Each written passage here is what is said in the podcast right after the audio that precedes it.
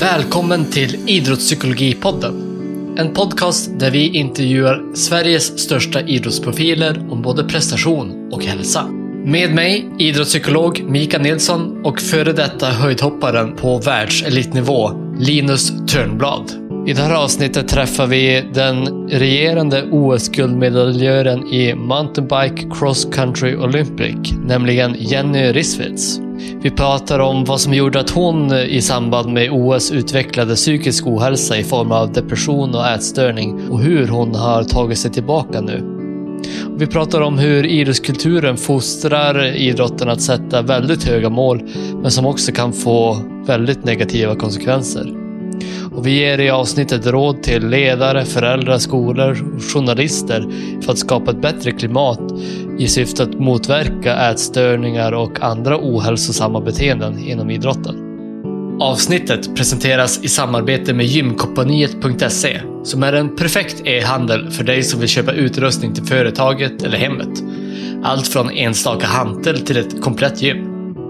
Jag har själv varit kund hos dem flera gånger och upplever trots riktigt bra priser levererar de hög kvalitet på sina produkter och har mycket snabba leveranser. Nu kör vi igång avsnittet.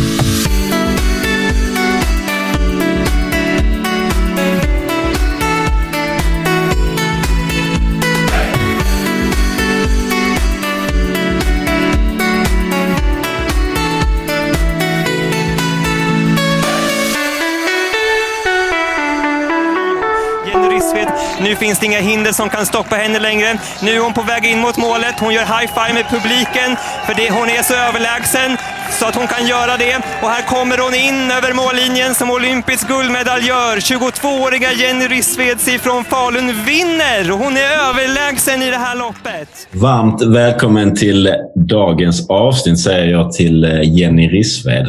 Hur, eh, hur är läget? Tack. Ehm, Det är eh, bra med mig. Hur är det själv? Eh, jo, men det är bra tack. Eh, jag är, jag tänkte säga taggad, det kanske låter lite väl, men eh, väldigt spänd inför dagens avsnitt. Det ska bli väldigt roligt.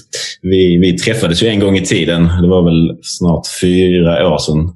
2017 var vi med i Malmö efter tio tillsammans. Jag minns att eh, vi pratade en del efter det, den inspelningen och då tänkte jag att det hade varit väldigt spännande att få göra någonting med dig för du hade väldigt intressanta tankar och reflektioner och vi pratade om några häftiga grejer. Sen, sen, sen försvann tiden och nu sitter du här så att, eh, det ska bli väldigt kul.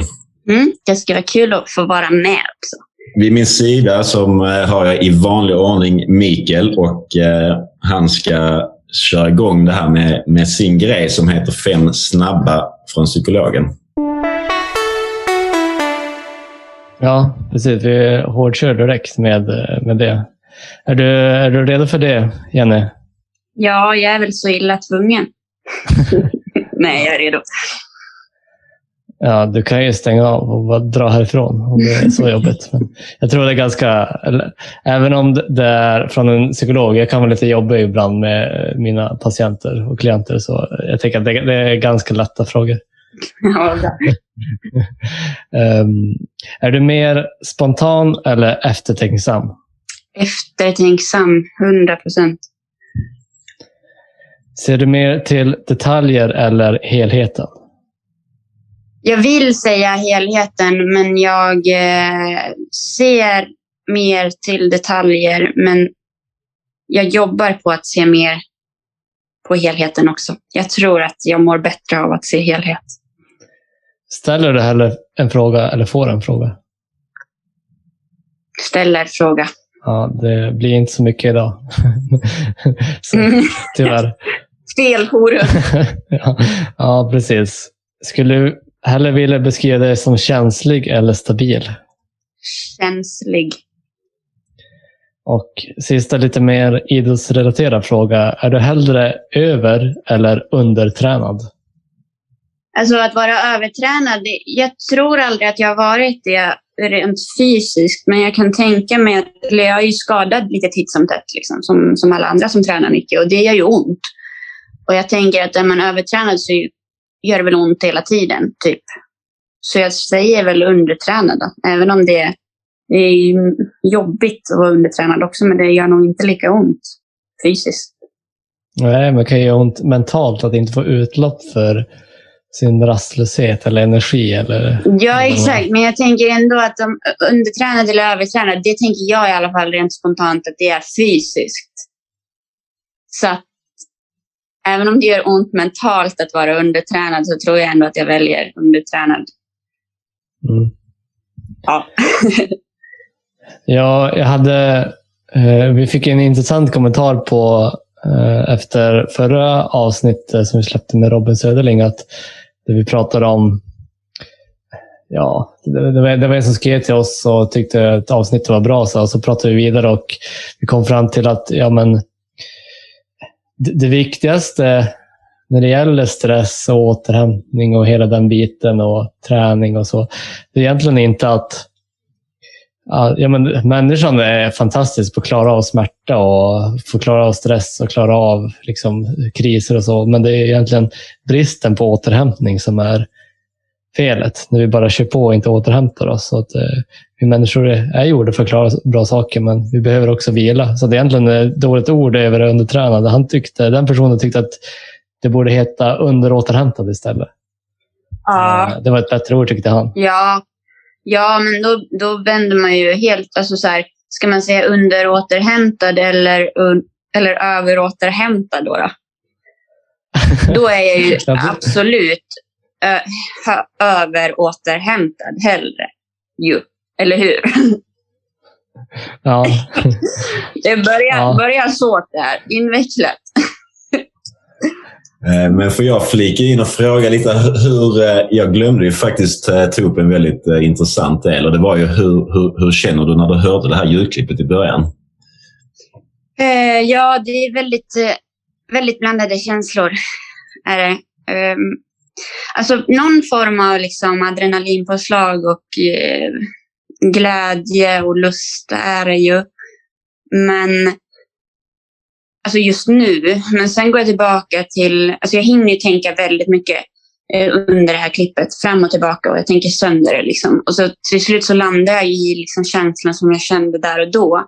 Och då var jag ju på något sätt i, jag var ju i en känsla som jag trodde att jag skulle känna eh, på ett sätt. För att jag eh, har hört så mycket om OS och hur det är och, och hur det ska vara. Så jag tror att, jag ska inte säga att det var ett skådespel, men, mm. men det var nog inte 100% äkta känslor för att jag visste inte riktigt hur jag skulle känna. Alltså jag var ganska, jag, det är jättekonstigt, jag kände jättemycket men jag var samtidigt jätte, jätte, jättetom. Och då är det lättare att visa känslor än att visa tomhet i det där sammanhanget. Liksom. Så det är lite det jag kommer tillbaka till. Eller det, det är det jag hamnar i när jag hör, hör det där nu. Men är det, är det någonting du vill höra eller undviker du att höra det idag? Eh, nej, jag undviker det helst faktiskt. Eh, jag, jag har kollat på det där OS-loppet en gång sedan det hände och det var typ för det var två år sedan. Så att det tog ju ja, det tog ju två år innan jag tittade på loppet själv. Och, och då... Nu kan jag se, alltså ser jag bara till prestationen så blir jag motiverad, inspirerad och taggad. Men sen som sagt så hinner jag så länge, alltså jag hinner så långt i den där tankekedjan att jag hamnar också i känslorna och liksom hur jag kände och hur jag mådde. Och sen så förknippar jag säkert det med eh, att jag har mått väldigt dåligt efter det där också. Så att det, jag tror att det är det jag undviker lite när jag väljer att, att inte lyssna på och titta på de där klippen. Nej, jag kan eh, verkligen förstå det du säger. Det måste vara väldigt svårt att, att veta om man ska, ska man möta det som framkallar de här eh, jobbiga känslorna eller ska man liksom välja bort det som är negativt eller som ger mindre bra energi till en? Det, är det något, tänker du på det eller du tar det lite som det, som det kommer? I Nej, men mm, jättemycket. Alltså, jag träffade igår en, en bekant till mig som hon eh, har en förmåga att så här, alltså, någon säger någonting till henne och hon kan, hon kan stanna det, bromsa det innan, det innan hon tar in det. Liksom. Eh, och väljer vad hon vill ta in och väljer ja, men det här liksom klass, alltså man pratar mycket om det nu, mindfulness och liksom välja sina tankar. Jag skulle önska att jag kunde göra det i större utsträckning, men jag har jättesvårt för det. Eh, för jag har, alltså mina känselspröt är jättelångt ute. Jag känner jättemycket saker och samtidigt tänker jag sönder de här känslorna. Jag skulle vilja välja mer vad jag tänker och känner. Men eh, på tal om det här OS-klippet så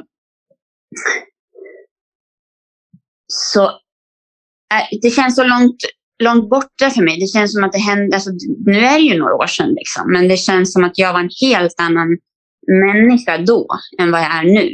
Och går man ytterligare fyra, fem år framåt i tiden så kommer jag säkert säga samma sak om den jag är nu.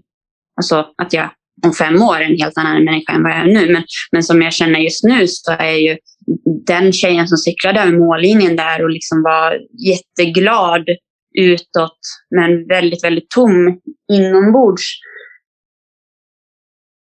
Det är inte jag idag. Liksom. Så, att, så att det är svårt. Alltså jag kan, om jag verkligen, verkligen separerar personen från prestationen, då kan jag alltså, bara se till prestation. Då kan jag se det som motiverande och att jag, så här, då växer jag av det i min, i min prestation, i min träning och det jag liksom utför på cykeln. Men, men tittar jag på den tjejen som cyklade där, då tycker jag, då tycker jag synd om henne. Liksom, för att hon mådde inget bra. Det var inget kul. Liksom. Så det är väl mest det jag vill undvika. Men prestationen i sig, det, det, det kan jag inspireras av. Vad, vad var det som gjorde att det blev så där? Tror du att, varför blev det den här tomheten, att du mådde så dåligt efteråt? Alltså, till största del så tror jag att, eller jag är övertygad om att det är precis som det, det du nämnde här innan. Alltså, jag var underåterhämtad. Jag, eh, jag vilade inte. Alltså, under flera års tid så, så eller det, jag skulle säga att det började egentligen, eller mina första, första erfarenheter av ätstörningar hade jag i eh, tvåan på gymnasiet. Och då tog jag inte riktigt hjälp för det, utan eh, då betydde cyklingen så himla mycket för mig. Så att min tränare sa till mig att, att, att eh, om inte du går upp i vikt nu, så, för jag hade rasat jättemycket i vikt. Om inte du går upp i vikt så får inte du vara med på träningarna längre. Jag gick på cykelgymnasium. Alltså vi tränade på skoltid och vi tränade väldigt mycket. Liksom. Eh, då, betyd, då var det en så stor drivkraft i mig att jag så här, ja, men får jag inte cykla då, då, då, går ju, då, då går ju min värld under. Liksom. Så då, då gick jag upp i vikt och det var helt okomplicerat. Liksom. jag började äta och, och, och göra tvärt vad jag hade gjort för att gå ner i vikt.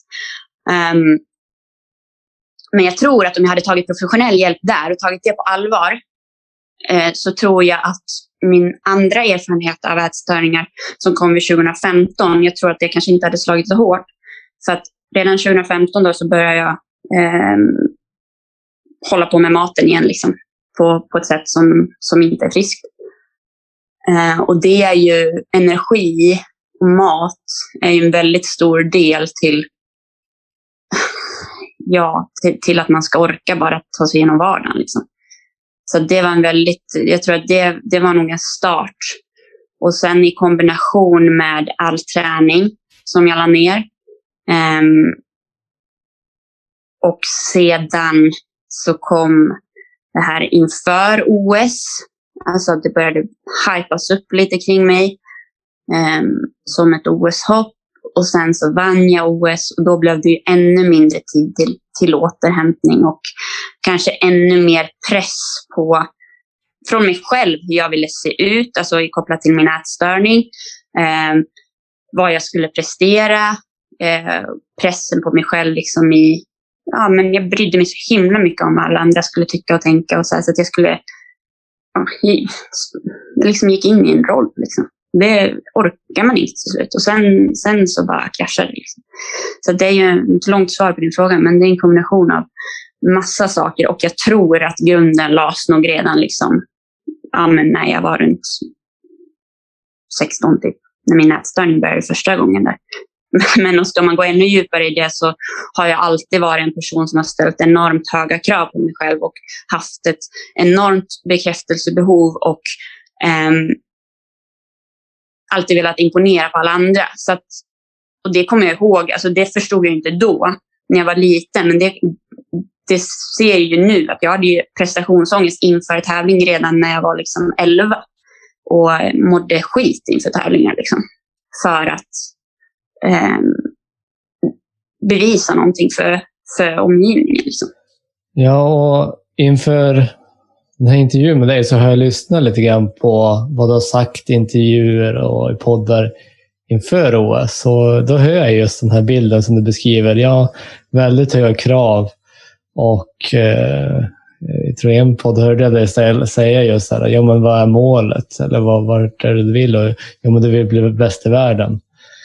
Där hade jag ju så gärna velat, jag som psykolog hade så gärna velat borra djupare i det där och, och fråga vidare kring det. Typ så här, vad det egentligen var som var så viktigt med det då, att bli bäst i världen. Um, för jag, för jag tänkte just där då, att, eller när jag lyssnade, så att Åh, det här låter som riskfaktorer jag hör. Uh, sen vet man ju ungefär hur det blev. Och, så, det är flera riskfaktorer som jag kan se redan då, som kanske andra såg och som du, som du nu i efterhand ser också. Men jag tror inte att andra såg det då heller. Eller kanske sådana som du, som har liksom det, den, det perspektivet när du, när du lyssnar och, och tar in saker. Men eh, men jag tror, alltså det här det är så accepterat. Eh, i, accepterat och normaliserat i, i, i synnerhet i idrottssammanhang. Att alltså, du ska bli bäst i världen. Det, det, det börjar man prata om när man är liksom, barn. Och um, Jag kommer ihåg jag sa det till alltså, mina kompisar när jag tävlade när jag var 10-11 år. Jag ljög om hur mycket jag tränade för att de tränade tre, fyra gånger i veckan. Och jag, ja, sist jag cyklade inför den här tävlingen, det var för två veckor sedan. Jag, jag tränade ingenting när jag var liten, men jag hade, hade ändå ett behov av att här, passa in och göra det som man, man skulle göra. Um, och, och även ja, när jag var samma ålder, 10-11 år, så sa jag att jag skulle gå på cykelgymnasium när jag blev stor för att jag skulle bli bäst i världen. Men jag visste inte ens vad ett gymnasium var. Liksom. Utan det är bara någonting jag har lärt mig att jag ska säga. Och det, är något, alltså så här, det är så på ett sätt så inpräntat liksom, att man ska, man ska sikta högt. Man ska sikta efter ett, det bästa resultatet. Alltså, det, det, är ingen som säger att jag ska bli tredje bäst i världen eller att jag ska... Och, och jag, jag, vet inte, alltså, det är någonting vi får lära oss och också liksom utifrån um, allmänheten förvänta sig att eh, ja, men när, man, när man eh, deltar i någon intervju eller så, liksom, då ska man ju säga det där. Det blir jättekonstigt om man inte säger så. Typ. Alltså, och, och för det är det som förväntas. Det förväntas... Jag vet inte vad jag ska sätta för ord på det, men jag tror att vi, vi vårt samhälle förväntar sig det av oss högpresterande eh, idrottare. Att, att man ska sikta högst. Liksom. Och även fast jag, när jag sa det så kände jag ju ingenting. Utan det var ju någonting jag sa bara. Liksom, för att man ska göra det, inom citattecken. Ja, och just, eh, den här, i just den intervjun så, så, så var det precis som du säger, att den här eh, den som ställde frågan liksom, så instämde och sa ja, men det låter jättebra kör hårt, jag ska följa dig och lycka till. Och, och jag kände bara, nej, jag vill stoppa den här tjejen. nej, men också så här, nu i efterhand när jag har gått igenom det jag har gått igenom och som du säger att idag kan jag ju se det att, att det där var inte ett sånt bra tankesätt. Liksom. Eh, men, men som nu när jag svarar på, på frågor eh, kring mitt idrottande och vad jag förväntar mig, eh, vad jag har för mål. Och när jag säger att jag har inga andra mål än att må bra. För att när jag mår bra, då vet jag att då kan jag vara bäst i världen. Men det där kan ju inte, det kan inte börja med att jag ska vara bäst i världen och sen får måendet bara liksom, eh, bli som det blir. Liksom. Och, och, när jag säger det, när jag lägger upp det så, säger jag jag har inga andra mål förutom att må bra och, och uh, göra det jag kan för dagen. Då är det så här, då får man följdfrågor för att de vill ha fram de vill, ha något, de vill ha fram ett annat svar. De vill ha ett svar som, som passar in i normen. Liksom. Och det är att, att ja, men jag ska vinna VM, jag ska vinna OS. Liksom. Nu har jag sagt till kommande OS, om det blir något nu i sommar, då, så har jag sagt att ja, men mitt, mitt mål med det här OS är att köra, köra så snabbt jag kan den dagen och att genomföra ett, ett OS där jag kan må bra. Och det är, det är inte rätt svar enligt normen. Liksom. Det, det, det stannar aldrig där, liksom, utan då får jag fler frågor. Det ser ju inga, inga klick på nätet genom, genom att säga så, men, men jag tror att man, man kan ju inte poängtera just det du sa för många gånger, för det är så oerhört viktigt och det hänger verkligen ihop. att eh, Eller för de flesta i alla fall, som jag har pratat med, att Eh, mår man bra så presterar man oftast bra. Men man, man fokuserar bara på prestationen vanligtvis och man blir pushad och man blir uppmanad när man säger att man ska bli, jag vill bli bäst. Eh, och så vidare. Och det är liksom accepterat. Men man glömmer kanske att för att bli bäst så behöver man kanske till viss del mår bra för att få ihop det. Alltså det är nu lite motsägelsefullt för att nu berättade du när du presterade som bäst eh, 2016 och då mådde du inte bra. Det var en annan person. Ja, jag vet, men det är så här. Alltså det, det är också som, som vi började med, det, att kroppen är, alltså vad man kan utsätta kroppen för. Alltså det, det är ju det, det är väldigt motsägelsefullt för att jag mådde, jag mådde jättedåligt. Jag, det tror jag inte jag har sagt någonstans. Jag tror jag berättade för mina kompisar bara. Men dagen vi skulle åka till Rio så, så var jag ute och sprang eh, på morgonen. Eh, det var inte inlagt i min träningsplan, men jag tränade för att eh, göra av med det jag hade ätit på morgonen. Liksom. Och jag, hade, ja, jag, jag hetsåt och sen så liksom kompenserade jag genom jag tog laxeringsmedel och eh, tränade. Så det var den Eh, det var det jag var ute på då. Eh, och jag sätter mig på en sten mitt ute i skogen och gråter. Och vill, alltså det var två timmar innan vi skulle åka till Arlanda och jag vill inte åka. Eh, på, på, på startlinjen på OS så, så alltså på riktigt, när det är 30 sekunder kvar så tänker jag att jag vill åka hem.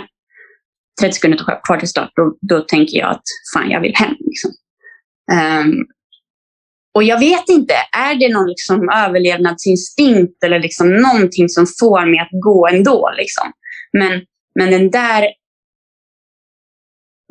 bufferten liksom av energi, den tar ju slut till slut, vilket den gjorde. Så att du kan ju må piss, men göra de bästa resultaten i idrottssammanhang eller vilket jobbsammanhang som helst. Liksom. Ehm, men inte hur länge som helst.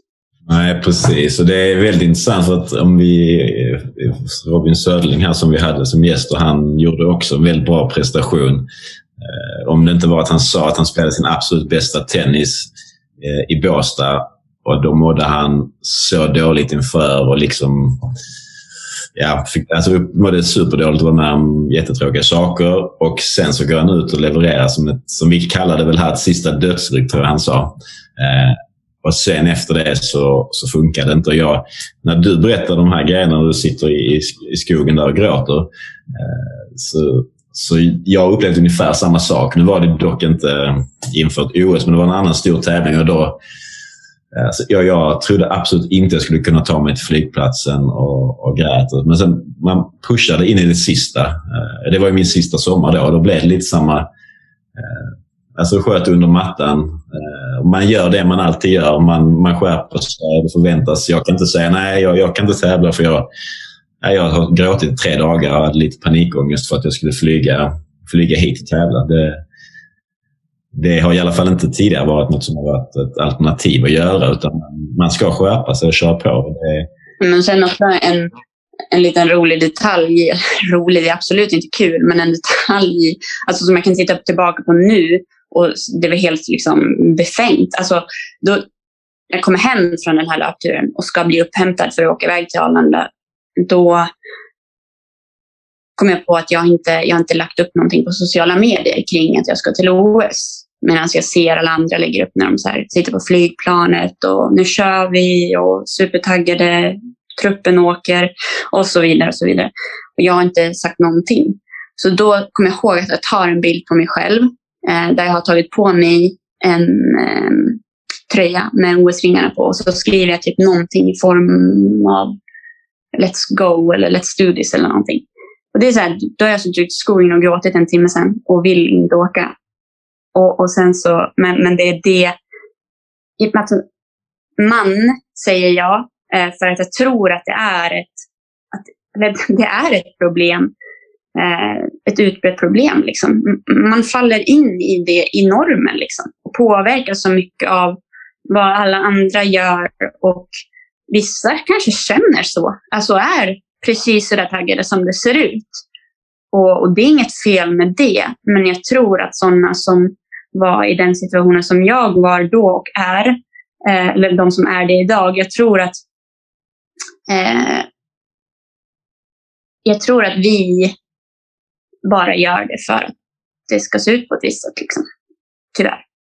Jag gör inte det idag, men jag gjorde det då och jag är övertygad om att det är de som gör det just nu. Liksom. Och hur ska vi jobba mot det här då? Det låter ju extremt problematiskt. Ju.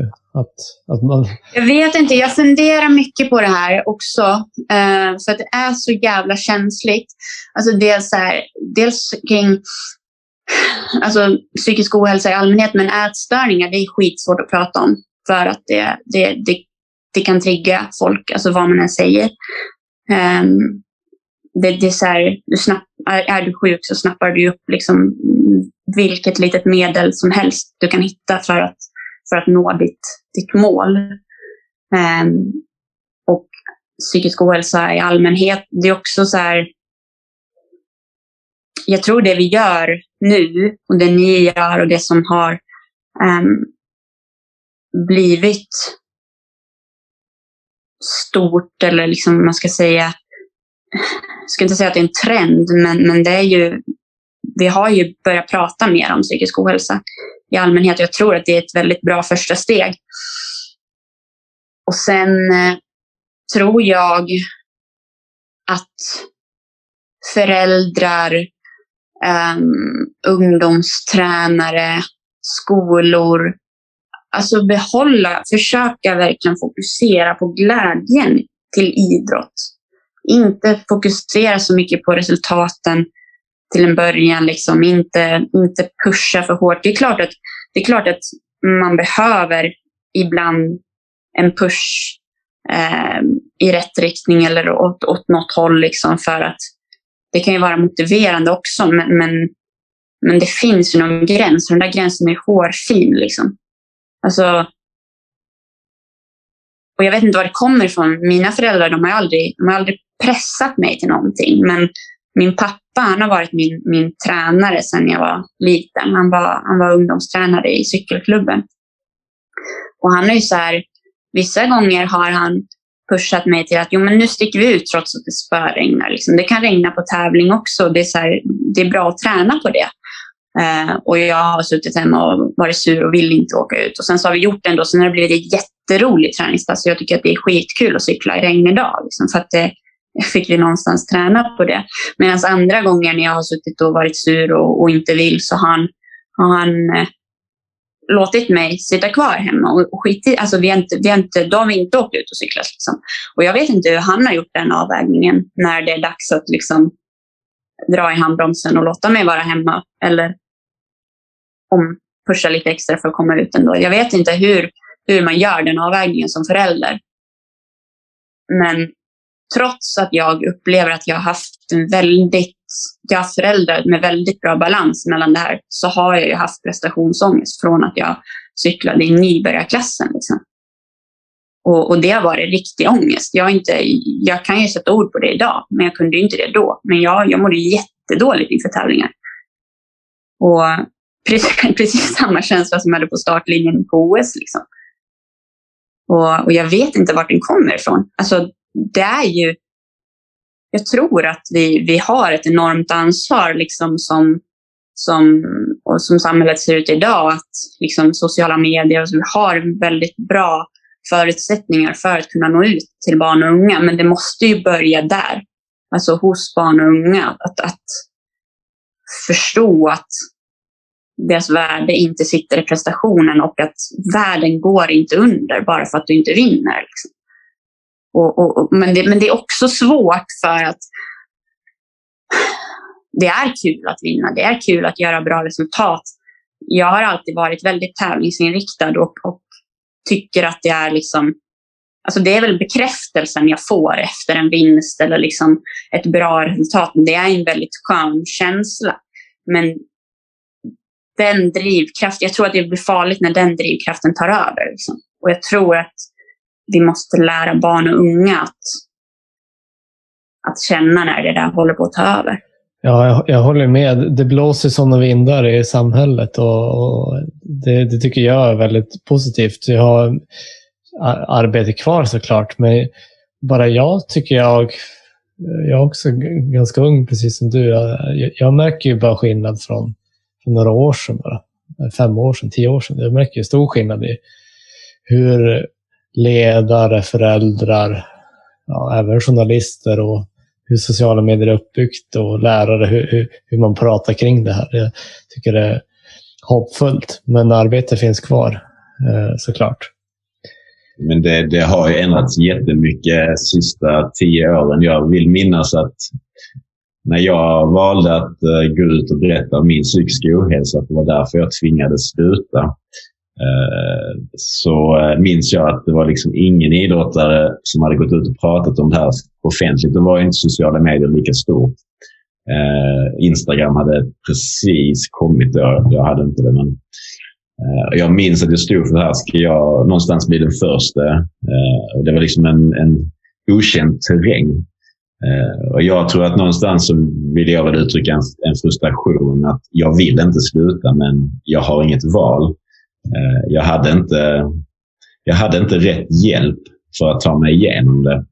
Eh, och det pratade faktiskt du och jag om, Jenny, när vi träffades. Eller då jämförde jag den hjälpen jag hade med den hjälpen som jag upplevde att du berättade att du hade. Eh, jag kände att fan, du, det, finns, det finns hopp för dig. För att du verkade ändå att du hade styrt bort vissa människor.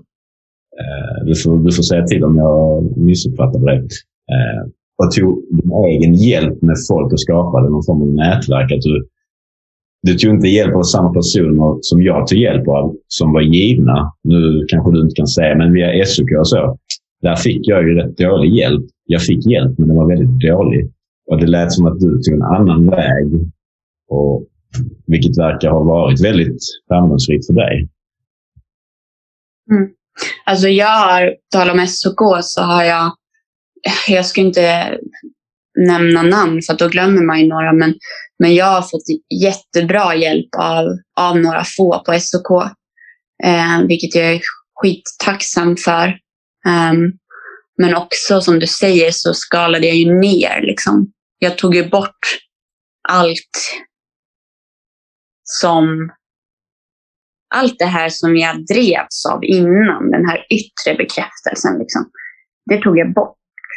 Intervjuer och eh, sådana här sammanhang, poddar, eh, tv-shower, sociala medier, allt sånt som gav mig den här yttre bekräftelsen som jag drevs av väldigt länge, det tog jag bort. Och när jag hade gjort det så insåg jag att men då var det som att jag kunde andas igen, jag kunde slappna av. Liksom.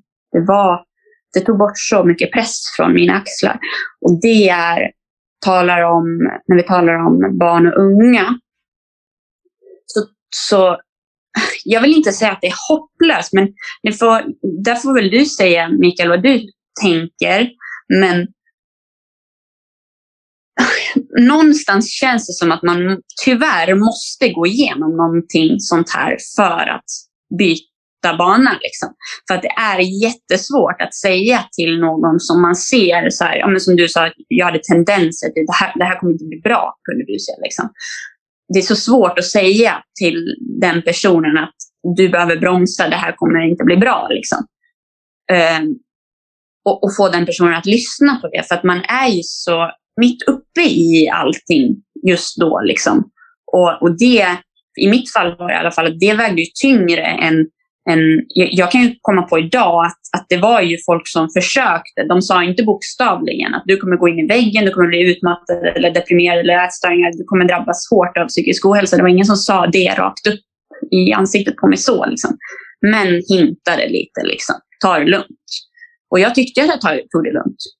Eh, för jag gjorde ju bara sånt jag tyckte var kul. Jag, gjorde ju, jag tyckte att allt som jag gjorde var skitkul. Men eh, det jag inte visste då var ju att att sånt som är kul, om det kommer i för stor mängd så, så alltså det är också stress och påslag för kroppen liksom, som, som kroppen måste hantera. Och det, det funderar jag mycket på, hur man ska kunna få någon att bromsa innan det är för sent. Liksom. Ja, och då tänker jag att eh, det är precis som du säger, det är, det är svårt. Det är klart det går, men det är svårt att nå en sån person. Ja, för jag tänker att man inte är mottaglig. Jag var i alla fall inte mottaglig. Alltså alls. Nej, nej så, så, så, tänker jag det är supervanligt. Alltså en, en riktig ätstörning, det är ju liksom som en vanföreställning. Det, det, är, det är som en sjukdom. Där man, alltså det, det, det, men det gör att jag tänker ju ändå att det går att arbeta på flera nivåer. Det går att arbeta med ledare till exempel. Hur man, de första ledarna man har, hur, vilket fokus de har på prestation, resultat och på process och på, är man där för glädje, hur de pratar, vilken relation de skapar, hur tidigt hur föräldrar hur föräldrar introducerar barn till deras sport och hur de tidigt pratar med barnen. Och typ när man kommer hem från träningen, frågar de om resultatet. Eller fråga föräldrar, vad frågar föräldrar? Frågar man, hade det kul idag? Vilka, vilka var där? Vad, eh, vad, vad var det roligaste idag? Vilken, vad lärde dig idag? Sådana, sådana frågor. Alltså genom sådana små saker där man arbetar både med ledare, med föräldrar, kanske med hela föreningen. Med, ja, och det, det är svårt att jobba med, med hela samhället. Men ja, alltså journalister. Om det är någon journalist som pratar här idag, så även ni hur, ni, hur man intervjuar idrottare. Så eh, kanske tidningsreporter när man var liten, alltså hur, vilka frågor de ställer. De behöver också tänka på det här. Så att inte tidningsreporter när man är med i den första, första, första gången man är med i offentligheten. Hur, det styr också jättemycket för hur man, hur, man, hur man hanterar det sen. Att det är viktigt att de här lokala tidningsreporterna också ställer, tänker på det här och ställer frågor som inte börjar ge ännu mer press. Problemet är ju, du sa att du inte visste vart det här kom från. Och, ja, det behöver inte vara en orsak. Jag tänker att det sällan är det, utan det är ju flera saker här eh, antagligen. Och några kanske inte vet hur det var. Och, eh, många saker är omedvetna säkert. Det är inte, inte kanske din pappa försökt lägga press på dig, men han kanske gjorde små saker. Jag vet inte. Eller dina tidigare tränare. De kanske var bra på vissa saker, men inte andra. Och, ja, det, det, går säkert att hitta svar om man verkligen skulle leta eller kunde flytta sig tillbaka i tiden och kolla på allt du fick uppleva. Men... Jag, tror ju, så jag tror att jag började med det, men jag tror att i mitt fall, alltså mycket grundas i ett bekräftelsebehov. Eh, och bekräftelsen kom ju av att jag gjorde resultat. Liksom. Och då är det klart att då fortsätter jag ju liksom kämpa mot det för att jag vet att jag får bekräftelse då. Liksom. Och resultat blev sedan liksom att jag lyckades gå ner så många kilo i vikt som jag ville. Eller att jag får så många likes på en bild. Eller att den och den reporten hör av sig och de är störst i Sverige. Och, och det, var liksom, det var också en typ av bekräftelse. Liksom, alltså, någonting som jag tyckte att jag lyckades med. Liksom. Och då fortsätter den där spiralen. Det som är så jävla farligt. Liksom.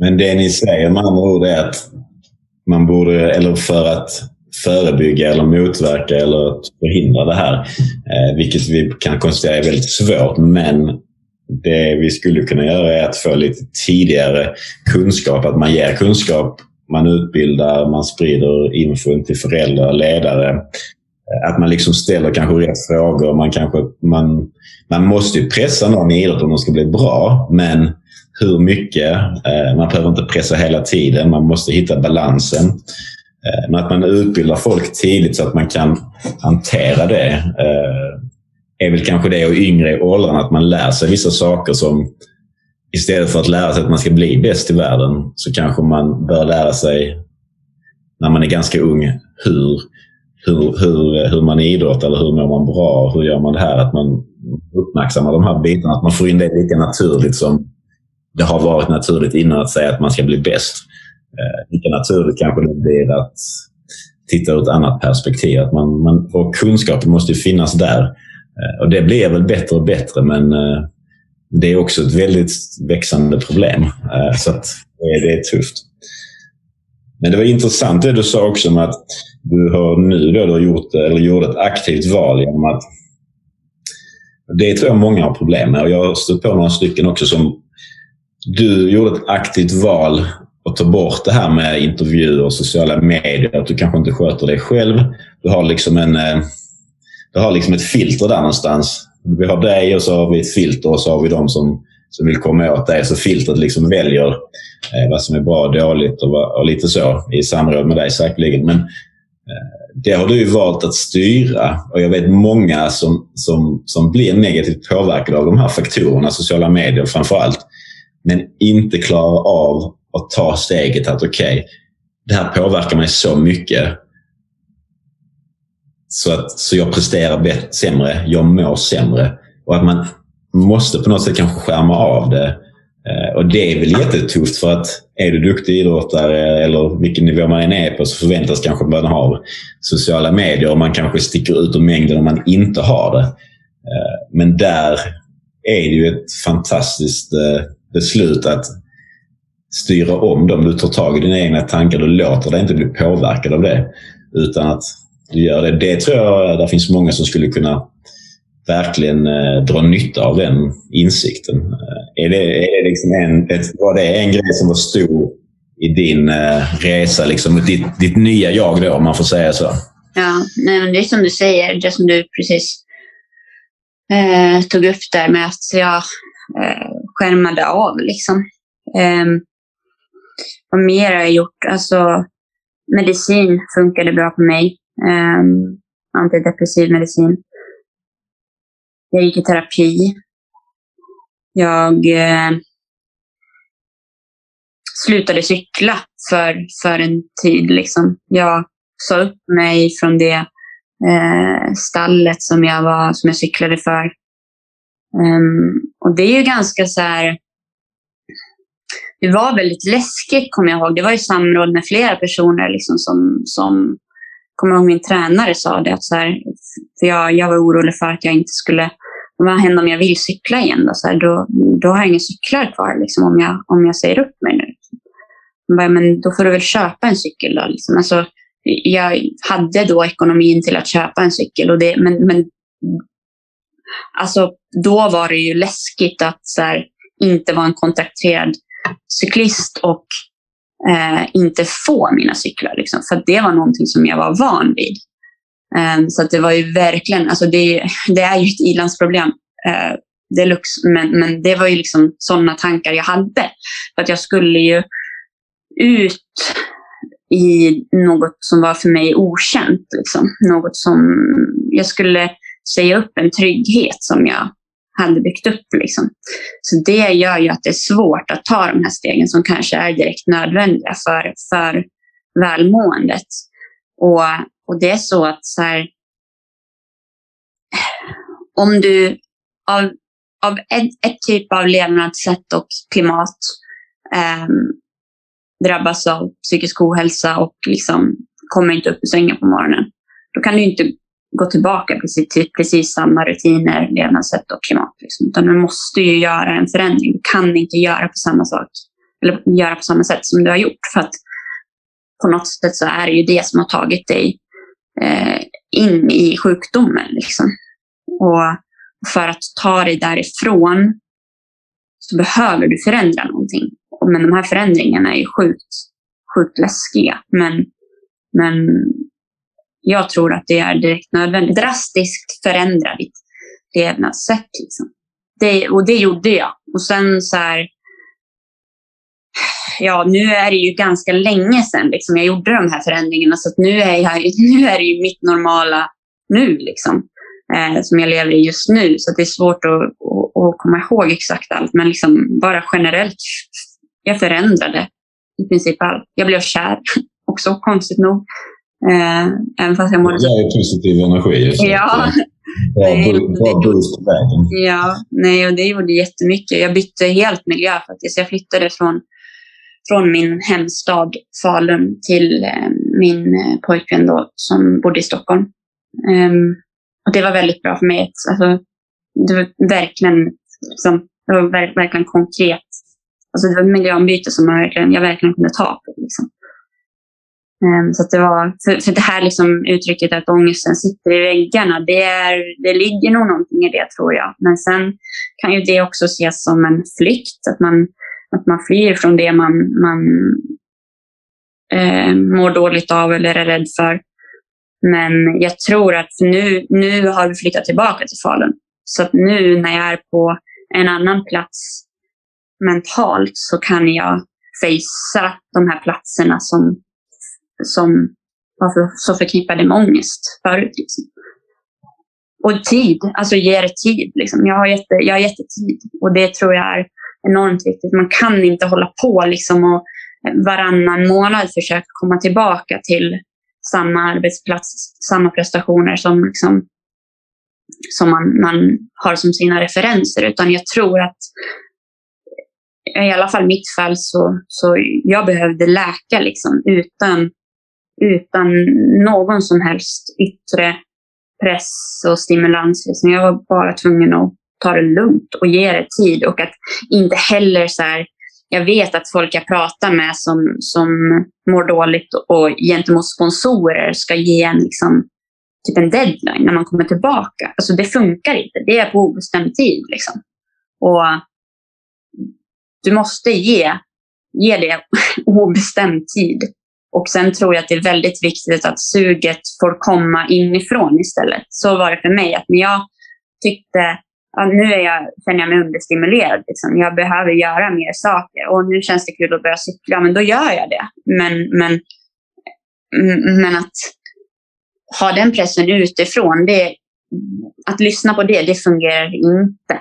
För då, då är man inte redo om det kommer från någon annan. Liksom.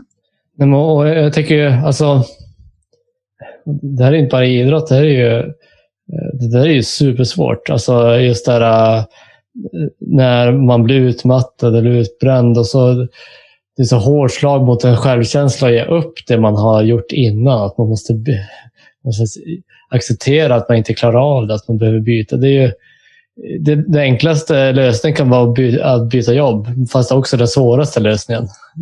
Det låter så himla enkelt, men det, men det tar så hårt på en. Och, och jag tycker det, alltså när jag jobbar med människor, det är supersvårt att få folk att byta, inse det, att du behöver byta jobb. Det går liksom inte, för man har lagt ner så mycket timmar, så mycket själ, kanske pengar, drömmar, förhoppningar. Så, så, så, det är inte bara jobbet man ger upp, det är ju allt kring det. Alltså det är superstarkt av det. Och, återigen Robin Söderling-avsnittet. Han, han gjorde också lite, han försökte lite för tidigt hela tiden. Ja, det tog en månad och så försökte han vara tillbaka. Han, han gav det ingen total, ingen total eh, paus så att han kunde komma tillbaka sen. Utan han, eller han kunde ha gjort något helt annat. Han kunde ha spelat dubbel eller någonting istället. Så valt en annan inriktning eller någonting. Bara för att det, det, det är så svårt det där. Och det är så, jag blir så imponerad av dig då. Jag hoppas att du kan inspirera flera i, i, i just det. Ja, tack. Nej, jag, jag hoppas också det. För att jag tror att det är, jag tror att det är en, en nyckel faktiskt. Att bara ta helt distans från det som um, Även om det är kul, det är ens liv, man identifierar sig med det man gör och liksom så här, Eh, som sagt, även om det är kul så, så måste man... Alltså, du lurar ju ingen annan än dig själv genom att liksom försöka för tidigt. Eller så här, du, du, måste verkligen rannsaka dig själv. att så här, Tar det här mer energi från mig än vad det ger mig? Liksom?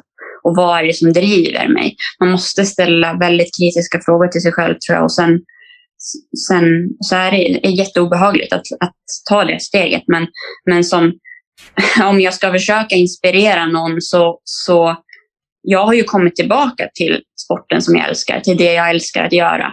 Och det går liksom. Men jag kan inte ta samma väg som jag gjorde förut för att komma tillbaka. Liksom. Alltså det, det är ju också fel, fel att säga att jag ska komma tillbaka, för jag ska inte tillbaka till någonting, utan jag gör ju det på ett, på ett nytt sätt nu och jag får, får och kan cykla. Och det är det jag vill. Liksom.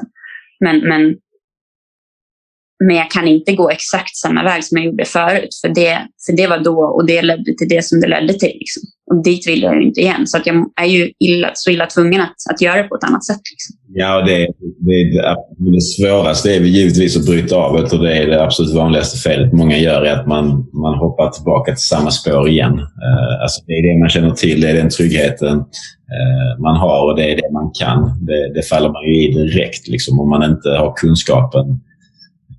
Och det krävs mer än kunskap för oss. Man måste ha modet att våga göra det. Det är, det är väldigt stora steg att ta.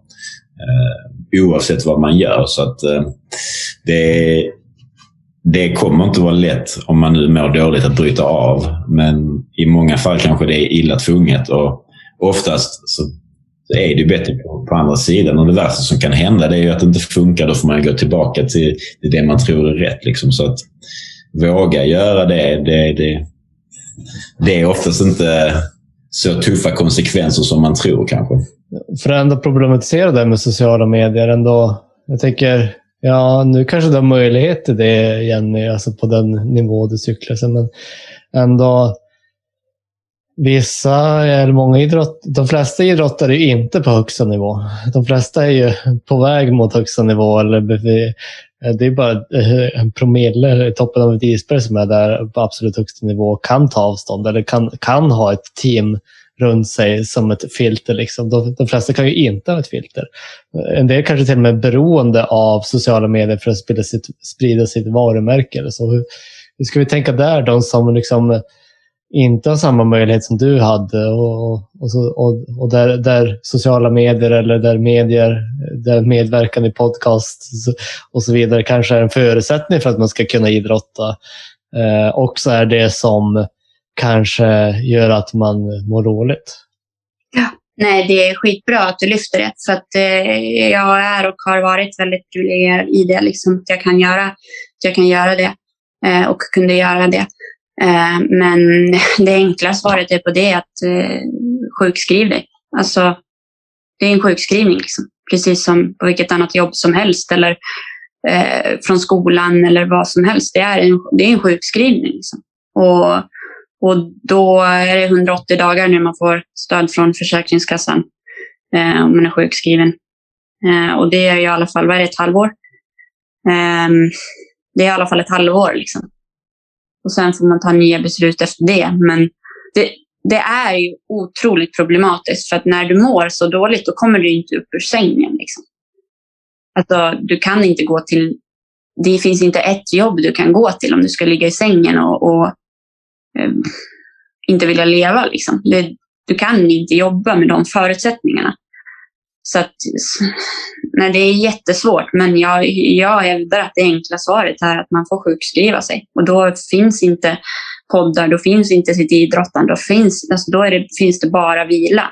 Och, och är man riktigt illa däran så kommer du inte orka ansöka om sjukpenning från Försäkringskassan. Då, då, då förutsätter det att du har någon som kan hjälpa dig med det. Liksom. Och, det och det har jag inget svar på.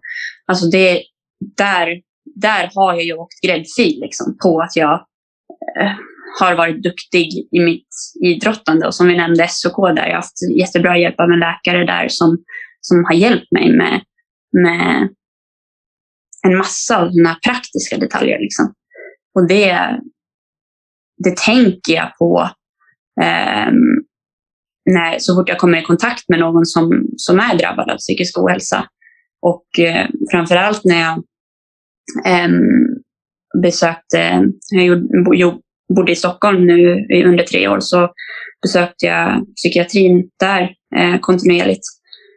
Och eh, sitta i det där väntrummet eh, och se hur illa folk har det och veta att jag har, jag har fått hjälp att komma hit. För att jag har haft folk kring mig. Jag har fått, fått hjälp att komma till psykiatrin. Jag har haft hjälp att få, få till den här kontakten. Och liksom, sen såklart, ja, det är jag som har gjort jobbet. Jag har gått dit eller jag har satt mig på tunnelbanan och åkt dit. Liksom. Um, men jag, jag, jag vet att jag är otroligt privilegierad och jag har inget jag har inget svar och ingen lösning på hur, hur man ska bära sig åt om man inte har någon liksom, runt omkring sig. Och det, det, gör, det, gör, det gör ont i mig. Jag För jag vet hur, hur det är att må så där dåligt. Och, um, och jag vet hur det är att ta sig ur ett sådant illamående med hjälp av andra människor. Däremot så vet jag inte hur det är att ta sig ur det utan att ha stöttning. Vilket måste vara... Ja, det är otroligt svårt. Och mm, någonting som, som jag tänker på och som gör riktigt, riktigt ont i mig. För jag vet hur det är att må så dåligt. Ja, ja, precis. Ofta kan jag ju som psykolog tycka att jag är duktig och tillskriver mig själv alla läkningar. Men i, i verkligheten så är det ofta anhöriga som, som är allt. Liksom. Hur, eh, man, är, man, är, man är faktiskt ganska liten som psykolog i jämförelse med den kraften ens omgivning har på ens mående, både i att man är insjukt och att man kommer ut ur det. det så är det. Då med, med andra ord så är det väldigt viktigt om man då inte har de eh, förutsättningar som du kanske har och somliga andra också som är på väldigt hög nivå. Men att, att, att man har det nätverket kring sig och vågar ta hjälp av nära och kära om man får säga så. Om man nu, om man nu inte kan sjukskriva sig från sin, eh, sina sociala medier eller liknande, att man kanske kan, kan lämna över det till någon vän eh, som kan, kan kan vara det där filtret åt en som kan hjälpa en att lägga upp bilder istället för att man... Men jag tror att då skjuter man problemet framför sig också. Liksom. Alltså, jag tror att det går att sjukskriva sig oavsett nivå. Faktiskt. Det kanske låter hårt, men jag tror det. Alltså... Ja, jo, men det kan man. Om man ska prata så praktiskt, så här, eller om man är en idrottare som är i situationen så går det. Ja, och sen är det, det en jättebra idé, alltså att ta hjälp av anhöriga eller någon kompis som man hade som kan sköta en sociala medier. Men då håller man ju det här skenet, den här fasaden uppe ändå. Jag tror att för sig själv eh, så är det nog en del i läkningen att inse att det går inte längre. Liksom. Eh, tror jag. Jag vet inte, jag tror det. Ja, jag, jag, jag, jag säger inte emot. Alltså jag, eh, eh, för min egen del så var jag tvungen att välja, välja en helt annan väg för att ha, ha en möjlighet. Liksom jag, jag stressade och försökte komma tillbaka. Eh, sen kom jag till ett beslut när det hade gått alldeles för långt andra gången och då insåg jag att jag har inte de kunskaperna, jag har inte de redskapen för att kunna gå tillbaka till idrotten. Jag måste gå en annan väg för att komma tillbaka till till ett normalt liv eller ens i närheten av ett normalt liv. Hur, hur, känns, hur känns det? Alltså hur mår du i det? Jag tänker ibland på idrottare som, eller vem som helst som är tvungen att avsluta sin karriär i det man älskar och det man identifierar sig som och liksom allt det där. Att man måste avsluta trots att man inte vill. Kommer man någonsin överens med det? Liksom? Eh, ja, men jag tror att man kan bli det, men det tar nog väldigt, väldigt lång tid. För mig tog det, tog det många, många år. Eh, måste jag säga. Det tog säkert fem, sex år innan jag liksom slutade drömma om det på något sätt. Eh, jag tror att mycket av min karriär, likt din, byggde från början på eh, bekräftelser. Eh, få de här kickarna i form att jag var mycket bättre än alla andra och då fick jag uppmärksamhet. Eh, så antagligen så hade jag nog någon form väldigt låg... Jag hade nog bara självförtroende men dålig självkänsla. Eh, så jag behövde de här eh, bekräftelserna, vilket drev mig väldigt mycket. Och det, när allting bara försvinner så blir det väldigt tufft om man inte då har kanske en grym självkänsla i grunden. Och bara släppa det som har gett den delen av en extrem boost under så många år. Eh, men för mig var det, var det inget val. Jag, hade inte, jag kunde inte gå andra hållet. Jag, jag önskar jag hade kunnat göra det. Jag önskar jag hade vetat det jag vet idag. Jag önskar när jag stod och pratade med dig backstage där, då insåg jag, tänk om jag hade gjort som dig eller den hjälpen hade funnits på min tid. Hur hade det slutat för mig? Eh, Kanske, kanske inte hade funkat. Jag tror det hade funkat om jag idag hade fått hoppa tillbaka tio år för att, för att köra på och med de kunskaperna jag har. Eh, men, men, men för, jo, men det, det, är, det är jättejobbigt. Men för mig var det liksom eh, det var nödvändigt för livet. Eh, jag levde inget liv. Jag hade, som du sa, det kan man knappt ta sig ur soffan. Att gå och träna det är, liksom ett, det är ett väldigt långt steg. Sen så fick jag ju min revansch lite sju år senare eh, när jag ställde upp och tävlade. Men då hade jag ju slutat drömma om... Jag bara hade sån distans till det, så då ställde jag upp och tävlade på SM. Eh, och gjorde en sista grej för mig själv. Och, och den känslan när jag tävlade där, eh, den var ju fantastisk. Och jag insåg ju då att den formen av tävling som jag gjorde, den tog jag bara för givet innan. Alltså jag uppskattade inte det, jag njöt inte. Jag fick inte det här. Och nu stod jag på ett SM, vilket kanske var ganska litet för mig eh, för. Och nu står jag bara och sög in all positiv energi. Och jag bara önskar, varför tog jag inte tillvara på detta innan? Jag tog allt för givet. Eh, hitta tillbaka till glädjen och, och, det sociala som man ändå har som just höjdhoppare. Då, att man, man är inne med samma medtävlande väldigt länge. Eh, och liksom hitta, då kom det verkligen inifrån. Eh, och det var många år sedan det hade gjort det. Eh, så jag fick ett litet eget avslut. Men som sagt, sju år tog det innan jag gjorde det. Eh, och då tränade jag knappt någonting. Eh, så att, eh, nej, det är tungt. Det är svårt, men för mig var det nödvändigt och det gjorde att jag kunde komma tillbaka och, och må, må bra. Liksom. Men det tog många år. Men jag hade nog aldrig kunnat göra det där och då utan kunskapen och erfarenhet som jag har idag, till exempel. Ja, det, det, det är så sjukt spännande samtal. Man skulle vilja hålla på i flera timmar. Det är mycket att prata om. Men det behöver jag avrunda någon gång.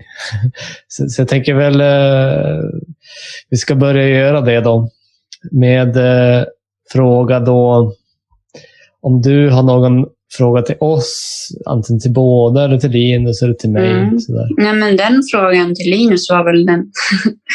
det, det var den jag hade, men det var någonting jag tänkte på till dig också, Mikael. Uh, ja, fast det är väl egentligen det jag tänker på, liksom, det här att hur hur man ska göra, alltså som Linus också berättar nu, liksom. det tar så många år att komma tillbaka och som du säger Linus, att du står där och önskar att du kunde se på det, eller att du skulle ha sett på det på samma sätt som du gör alltså nu, att du hade sett, sett på din, ditt idrottande och det du tog för givet, att du hade sett så på den situationen då när du mådde dåligt eller när du tog allt för givet. Liksom, innan du mådde dåligt. Eh, hur, ska man ham alltså, hur ska man komma dit? Hur ska, hur ska man kunna ändra det här? Alltså, vi har varit inne på det innan. Men hur ska man kunna ändra sitt tankesätt, sin liksom, så att det inte blir så. Så att det inte går så långt att man ska behöva stänga ner allting, sjukskriva sig, återhämta sig flera år för att kunna komma tillbaka och se på det på ett annat sätt. Hur ska man kunna se på det på ett annat sätt innan, det, innan man har hamnat där? Liksom? Jag önskar att jag hade svar på den frågan. ge, nu, ge nu alla lite hopp ja. Vi har varit inne lite på ett svar också innan. Ja. Ja, nej, jag har inget. Jag har inget alltså så här, ja, precis. Ja, nej, men, eh, ja, men det beror helt på där. För det, det beror ju på där eh, lite vem det är man möter. Är, är, det, är det en person som det är i ditt fall som inte såg det alls och inte hade någon insikt om det utan bara körde på. Då, då är det ett svar. Och eh, medans om du redan har börjat tänk, upptäcka att det här är inte hållbart, jag vill förändra, då är det ett annat svar på frågan såklart. Men då vill jag höra svaret om du hade kommit fram till mig då när du hade den där intervjun där jag sa att jag skulle bli bäst i världen. Alltså att jag bara kör på och du ska säga någonting till mig. För att jag tror att unga eh, elitidrottare idag lever nog till största delen så. Alltså större del, större del av dagens elitidrottare lever ju så än de som kanske har kommit till insikt. Tror jag. Det är bara en gissning, men, men det är min hobbyanalys. Ja, och jag hade inte kunnat säga något, en mening, och så hade det blivit bra. Men jag hade ställt frågor och frågor som jag hade ställt hade kanske till exempel varit när du säger jag vill nå VM-guld, hade kanske ställt frågan varför. Och eh, eh, utifrån det svaret på frågan varför eh, Ja, för att jag vill bli bäst. Ja, men varför det då? Varför? Ja, men för att det är kul. Ja, men varför är det kul? Varför räcker det inte med tre? trea? ja, men, alltså, så, så hade jag kanske velat starta ett samtal. Eller, och samtala just kring det här. Och, ja, som sagt, inte en mening, utan jag hade behövt ha kanske ha samtal. Uh, och det är svårt. Jag, uh... men jag tycker det är ett jättebra svar. Jag, tänk, jag ska nog ta med eller nog, jag ska ta med mig av det. För att, för att, för att jag möter ju sådana som jag, som jag var då. Och det är ju svårt att veta hur man ska bemöta dem. Och det är som du säger, alltså så här, varför? Vad, vad, vad är det som är... Varför är det så Som du sa i början så är din inställning att du vill må bra för att prestera och inte tvärtom. Och frågar man fan varför att nå ett visst mål, då kommer svaret oftast vara att ja, men, eh, om jag når dit, då kommer jag må bra ja, eller bli omtyckt eller bli nöjd. Men då är ju frågan varför man väljer att ta omvägen via en ätstörning eller ett OS-guld för att nå det syfte. Istället för att ditt fall som eh, nu, att du varje dag försöker göra det som, som du ärligt mår bra av, både på kort och lång sikt. Så istället för att nå resultat och må bra, så börjar du istället då med att göra allt i din makt för att må bra. Och sen kommer resultatet. Så det är som tvärtom. Man ska inte vara rädd att försöka, tycker jag. Man ska inte vara rädd att försöka, även om man säger att det är läskigt och jag vet inte och jag är inte psykolog, jag kan inte. Nej, men det, det gör ingenting. Du kan som förälder och tränare. Du, du kommer inte skada. Uh, du, det, det, finns inget sånt. Så, åh, jag vill inte trigga något. Jag vill inte trigga anorexi. Jag vill inte, nej, men det gör inte det. Var lugn. Det, våga. Det, det är egentligen det viktigaste. Våga prata, även om man inte vet hur. Men våga, man våga möta, våga skapa en relation. Så det, det, det, det kan alltid ge mer, det, alltid, alltid mer nytta än skada. Och det, eh, ja. Det, det, är ju ett bra svar till många saker som vi diskuterar i, i podden. Just att våga prova saker. Att man inte bara ska falla in i samma mönster i, i 20 år. Eh, helt plant. Att man ibland måste våga prova lite saker. Samma sak som här. Att man måste våga fråga vissa saker om man är utifrån. Liksom, eh, ifrågasätta på ett positivt sätt. Så att man är intresserad. Hur, var kommer det här ifrån? Varför är det så? Eh, som du säger där. Och jag tänker att varför, varför håller du på med det? Gå tillbaka till det till sig själv ibland. Att tänka på varför, varför gör jag det här? Gör jag det för att jag tycker det är kul? Eller för att jag vill bli känd? Eller för att jag vill tjäna pengar? Eh, var kommer den positiva drivkraften ifrån? Att man, man stannar upp och tänker ibland, ja, men jag gör det här för den här känslan exempelvis. Eh, så man inte fastnar i allt annat som är runt omkring Det är så himla mycket att bli, eh, hamna i fel tankar på att man ibland bara, okej, okay, jag älskar ju den här känslan när jag landar i mattan och har klarat en viss höjd. När jag ställer mig upp där, den, den känslan, det är därför jag gör det här. Liksom. Jag vill uppnå den igen, exempelvis. Eh, och, och den här ambivalensen som man har som idrottare, den är inte det är, inte att, det, det, är inte att man har motstånd, alltså man inte vill förändras. Det är att man är ambivalent. Alltså man, man vill både och. Jag vill åt båda hållen och det gäller att möta idrottaren där. Alltså säga att jo, men det finns två krafter här och jag ska inte bara stå och tvinga personen att ta ena eller andra vägen. Ut. jag måste möta personen där, kanske vara där och kanske... Säg, säg inte bara att du måste äta mer eller du kan inte träna så hårt utan att vara konkret med vad du menar och möta personen där den är med frågor. Eh, men säg till exempel, jag ser att du äter lite och jag är intresserad av att veta mer kring dina tankar kring det här. Så på ett nyfiket och öppet sätt som inte anklagar idrottaren så att den bara vänder sig om. Nej, men det är som du säger, alltså föräldrar och ledare. Så här, starta ett samtal, fråga varför. Och också, jag tror att det är viktigt att så här, eh, men det är väldigt liksom svårt att, eller så här abstrakt, så här, men ha kul. Eh, gå ut och ha kul. Så jag tror att kul, alltså, att ha kul det är väldigt brett. Så jag tror att, att man ska nog fundera djupare på saker och ting. För jag tror glädje ger väldigt mycket. Alltså i den här tryggheten och liksom um, vad är det man tycker är kul och så försöka sätta ord och känsla på, på det. Och att, att prata med barn och ungdomar på det sättet. Vad är det ni tycker är kul? Och som du säger också, om någon säger att jag ska bli bäst i världen, varför, varför det? Vad är det som, vad är det i det som, som drar så mycket? Och var, alltså så här, gå vidare i frågorna. Liksom. Ja, typ fem varför brukar man säga. Då kommer man åt. ställ fem varför, då kommer åt kärnan och, då kan, och det är där du kan börja jobba liksom med, med, med idrottaren. Men, men Jenny, om du skulle få avsluta det här med att ge, ge ett, ja, säg tre råd till, eh, med all den erfarenheten och allt du har fått uppleva före, under och efter. Men att, vad, är, vad skulle vara dina tre bästa råd att ge till en, till en ung idrottare, en idrottsförälder eller en idrottsledare? Vad är det, vad är det du, vilka är dina tre guldkorn som du skulle vilja föra vidare? Alltså jag tror att det är, det är olika guldkorn eh, om man riktar dem mot en elitidrottare eller mot en förälder eller ledare.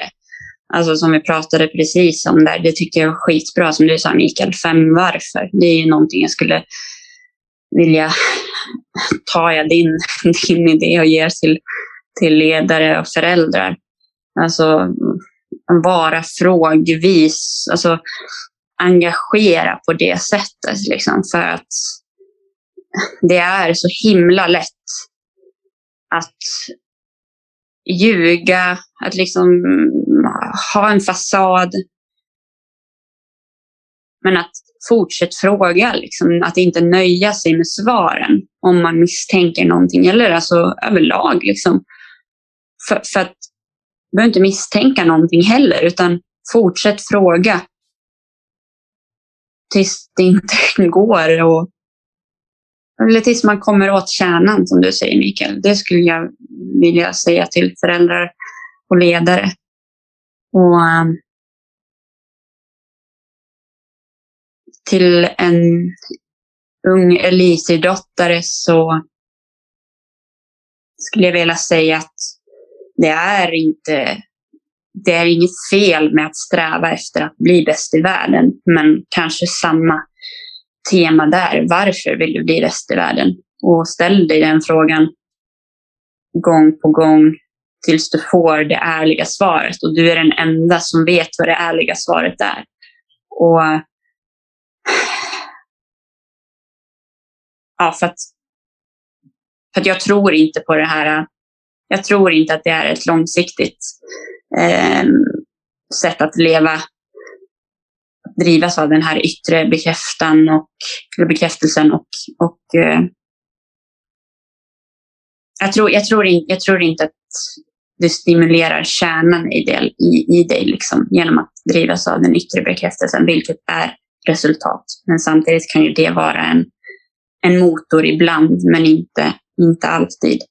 Fundera över de liksom, sakerna själv. Var, varför du gör det här och vad det är som du tycker är kul eller jobbigt med just, just det. Och ifrågasätta sig själv lite grann. Eller så här, samtal med sig själv. Alltså en bra grej tycker jag är, som är väldigt konkret, det är att prata med sig själv. För att det är väldigt lätt att ljuga för sig själv också. Eh, och jag upplever det att, att eh, om jag har en tanke så är det lätt att tänka och så tänker man några ord, kanske en halv mening eller en och en halv mening. Sen börjar man tänka på något annat och så har den där första tanken avbrutits.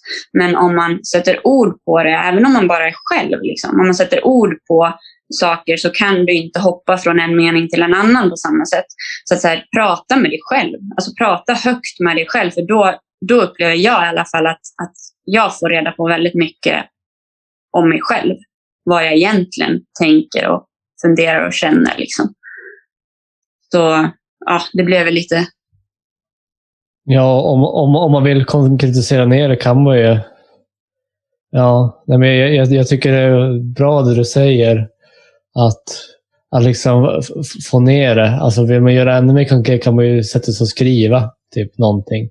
Om man, för då kan man liksom inte fly ut i andra tankar. Utan så här, jag ska sitta ner en, en timme och skriva kring mina värderingar och mina mål och sånt. Och, och ha samtal. Skriva dagbok är jättebra om man gör det. Liksom, så här. Men eh, det är svårt att komma igång och göra det. Men, eh, eller, då, eller, samtala med, eller samtala med någon annan. då. Alltså bara, bara så att någon, eh, så man måste formulera sina tankar så att de inte blir så där flyktiga som du säger. Så att man, man måste säga dem rätt ut. Så, och Det kan vara vem som helst du pratar med nästan. Det, Mm. Ja, exakt. Det kan vara dig själv. För det är det jag menar, att det kan vara väldigt svårt att prata med någon annan, att ta det steget. Och då kan man börja med, som du, som du säger, antingen skriva eller bara prata med sig själv. Liksom. Och, och, eh, men en väldigt, alltså det är väldigt svårt att ge råd så här på, liksom, eh, på begäran. Men eh, som du är inne på Mikael, att prata, prata med folk. Liksom. Alltså prata med någon. Om, om du mår dåligt, eller inte mår dåligt, prata med folk. För att det, det, det kan vara nyttigt oavsett om du mår dåligt eller inte. Om det är så att du inte mår dåligt så kanske någon annan börjar eh, fundera över om, om du mår dåligt och kommer bli mer uppmärksam på dig, vilket kommer att eh, eh hjälpa dig i framtiden. Liksom. Alltså våga prata med, med, med någon. Liksom oavsett vad det är för tankar. Ja, och vill man inte prata med någon man känner, det finns ju folk man som, som har tystnadsplikt som jag. Som, eh, eller det finns ju online-chattar och allt möjligt, så det behöver inte vara... Ja, även om steget kan vara stort finns det ju olika sätt och man får hitta det sätt som man är trygg med. Så. Ja, jag tyckte det, det var, jag tycker det var fler än tre råd, men jag tyckte det var hur många som helst än. Så det var, var bra svar. Ja.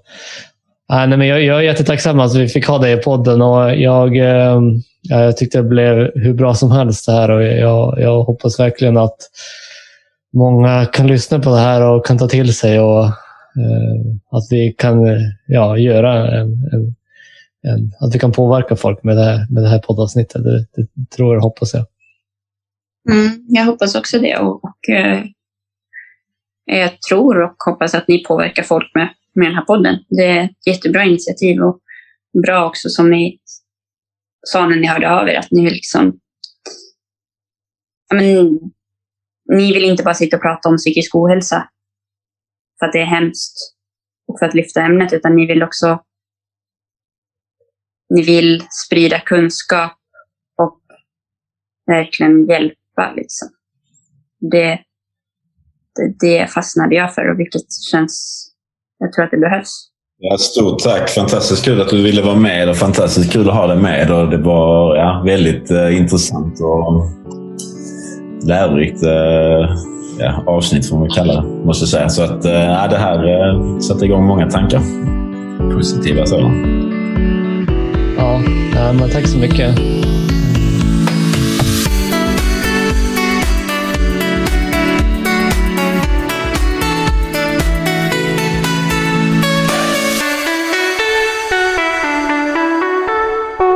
Jag tyckte i alla fall att det här var ett eh, väldigt rörande, lärorikt och inspirerande avsnitt.